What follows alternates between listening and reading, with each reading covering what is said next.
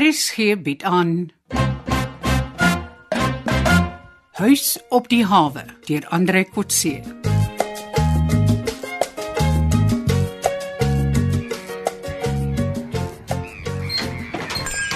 Môre Carolus. Goeiemôre. Ja, betyds vir breakfast. Hey, chips. Die meisie is klaar aan tafel. Meisie, van wie praat jy? Ja, Connie man, vergeet dit so gou. Jy's laf man. Een het afspraakmaking van 'n vrou is my meisie. nie. Ag, tog het dit dan so goed gegaan. Al die doel van 'n ete afspraak is nie om 'n meisie op te tel. OK, OK. Solank jy weet sy's klaar hier binne in die eetkamer.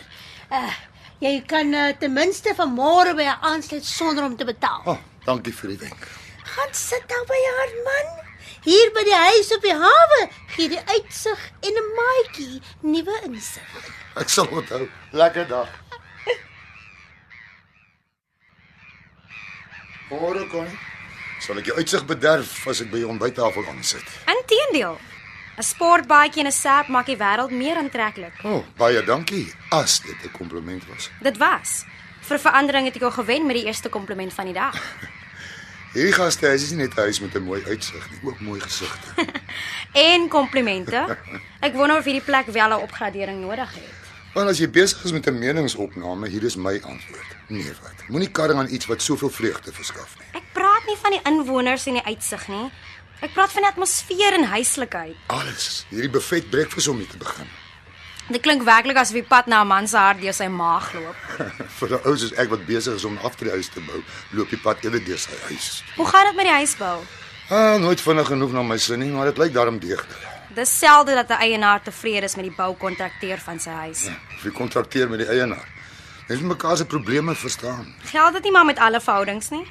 Jy klink soos 'n filosoof vanmôre. Meer soos 'n ligwardin. Daar is min passasiers wat ons verstaan. Ah, Vat my saam en ek sal jou probeer. Jy kan nie my bestemming bekostig nie. Wel, as die huis op die hawe vir jou goed genoeg is, sal ander uitsig op mooi hawens dalk ook goed genoeg wees. Wat bedoel jy? Ek bou 'n huis met 'n mooi uitsig, nie ver hier vandaan nie. Sê vir my enige tyd as jy sou belangstel in akkommodasie. Nee, dankie. Wel, nie op die oomblik nie. Ek sal praat.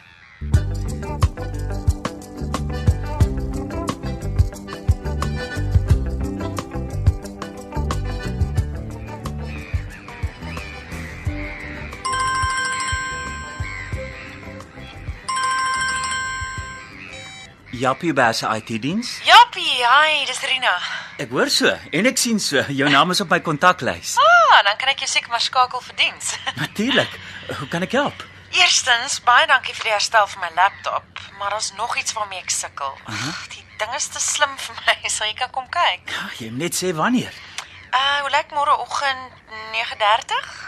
Wel, wat van vandag? O, ja, dis ook goed, ek wou jou net nie druk nie. Nee, wat mens met jou rekenaar kan gebruik. Dis 'n frustrasie as mens sukkel. Ek kan oor 'n halfuur daar wees. Ah, dankie, dit sal gou wees.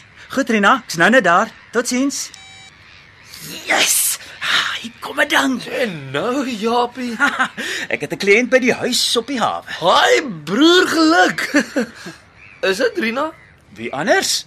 O oh, Japie, klink jy nie effens te gretig nie? Ag, Anton, moenie jaloers wees nie. Sy het immers vir my gebel. O, ek het jou hoor sê wat van vandag. Ek wil my nie skaam namens jou nie, nê? En onthou om maar te laat betaal vir jou dienste. Dis 'n eer en aanbeveling om 'n gas van die huis op die hawe as kliënt te hê. Moenie vir my voorskryf nie. Ek gee jou net goeie raad.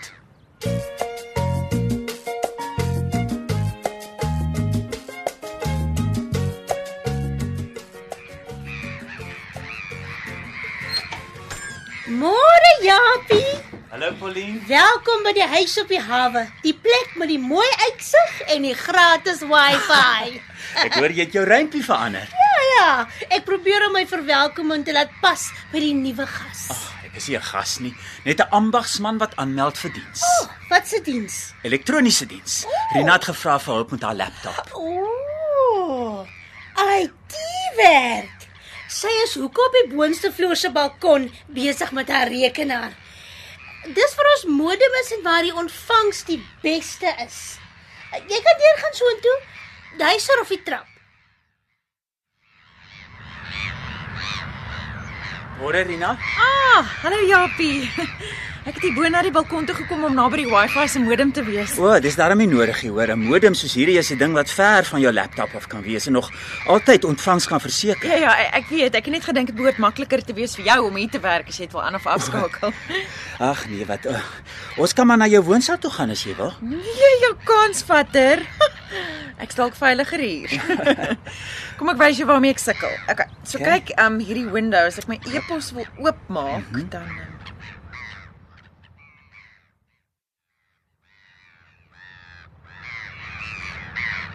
Daar's hy.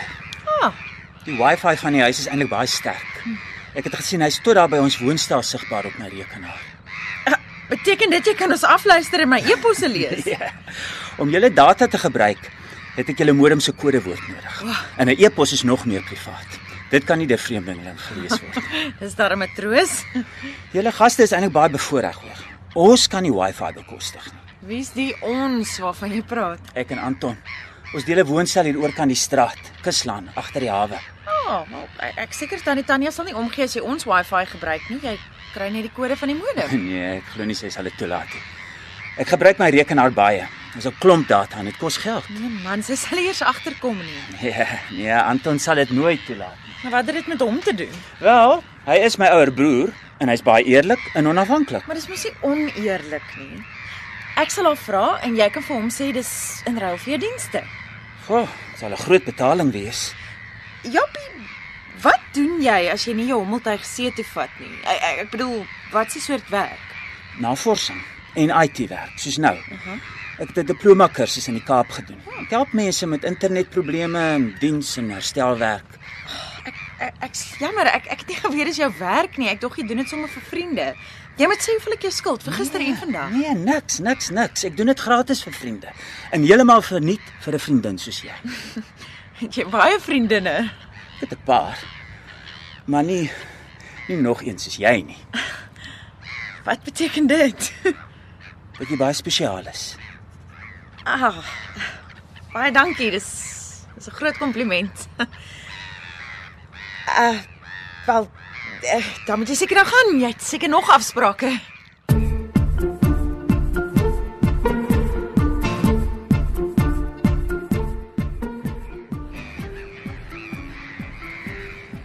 Yes, Anton, daai Rina is 'n baie spesiale meisie. Hmm, ek weet.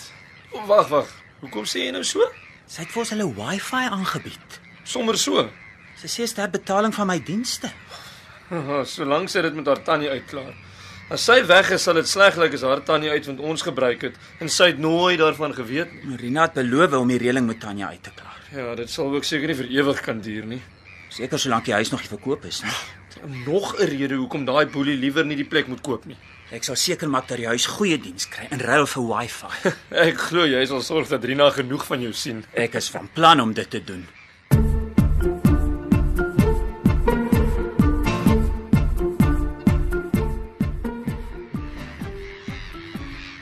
Pauline, wie was die ouetjie met die bril wat ver oggend hier bo by Rina op die balkon was? Dis Japie die IT ouetjie. Hy help almal met internet, selfoon en rekenaars. Wow. Hy's 'n jong boetie van Anton. Van wie? Anton Joubert. Die ou wat vir ons vis lewer by die huis. Dis baie lekker varsvis daai. Maar ek glo nie ek het enigiemand van hulle al ontmoet nie. Anton het 'n visbesigheid. Seker op 40, maar hy lyk ouer. Hy's 'n hank van 'n man. Hmm. Mm. Kyk, kyk. Moenie sê ek sê so nie, maar ek dink my baas is been af op hom. Jou baas. Ah, Tanya, 'n crush, jy weet, al is hy so jonk. Jy jok. Ek sê jou, 'n sterk man, Hmm. handsome, mooi gebou. Maar nie jou soortie. Hæ? Hy skaam, 'n ordentlike man. Wat is verkeerd met 'n ordentlike man? Ag man, ek bedoel dit nou nie so nie. Is dit dat man uh, hy lyk net nie na die regte soort ou vir jou nie. En hoekom nie? Ag, maar jy's te seksie vir Anton.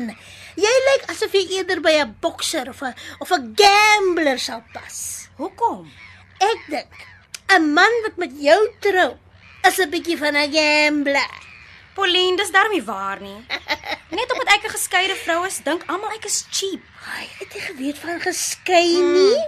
En ek dink ook jy is cheapie. Hæ? Min man sal jou kan bekostig. Presies. Ek is gedurig in die skuld.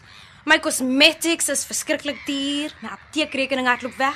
Ek sal moet stad toe gaan vir my healthcare. Healthcare se voet.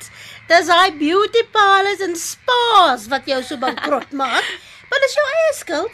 Jy hoef nie 'n prikkelpop te wees nie. Wat is 'n prikkelpop? 'n Pin-up girl, Santa Page Macy, 'n sex symbol soos Lady Gaga. Ah, oh, dankie. Sê vir my, is die IT ou ryk? Ag, nooit. Arm soos 'n kerkmeis. Hy kan nie eens Wi-Fi bekostig nie. Wat is Wi-Fi? Toe maar, toe maar. Dis 'n boksie wat bo op die balkon is wat almal in die huis toelaat om op die internet te gaan. Ek ken nie internet nie. Het um Anton daarom geld? Seker bietjie. Hy het 'n woonstel, 'n boot, 'n 4x4 en hy vang nogal baie vis.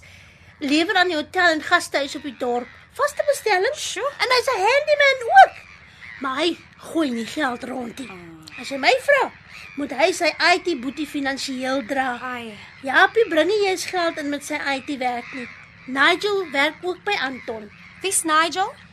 Die ouetjie wat reën daai by ons in die tuin werk. Oh, jou boyfriend. Boyfriend. Hm, ek sal nie met 'n garden boy uitgaan nie. Mense sal nie dit sê nie. Julle joke baie met mekaar. Ag man, ek is maar so vriendelik. My ma sê dis my ondergang.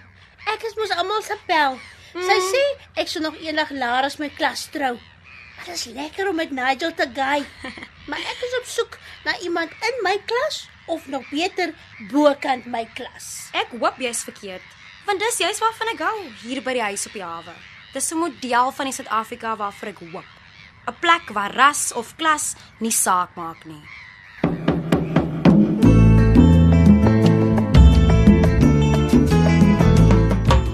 U het geluister na Huis op die hawe deur Andre Kotse. Die spelleiding is behartig deur Ronel Geldenhuys en die tegniese en akoestiese versorging is gedoen deur Cassie Lauers.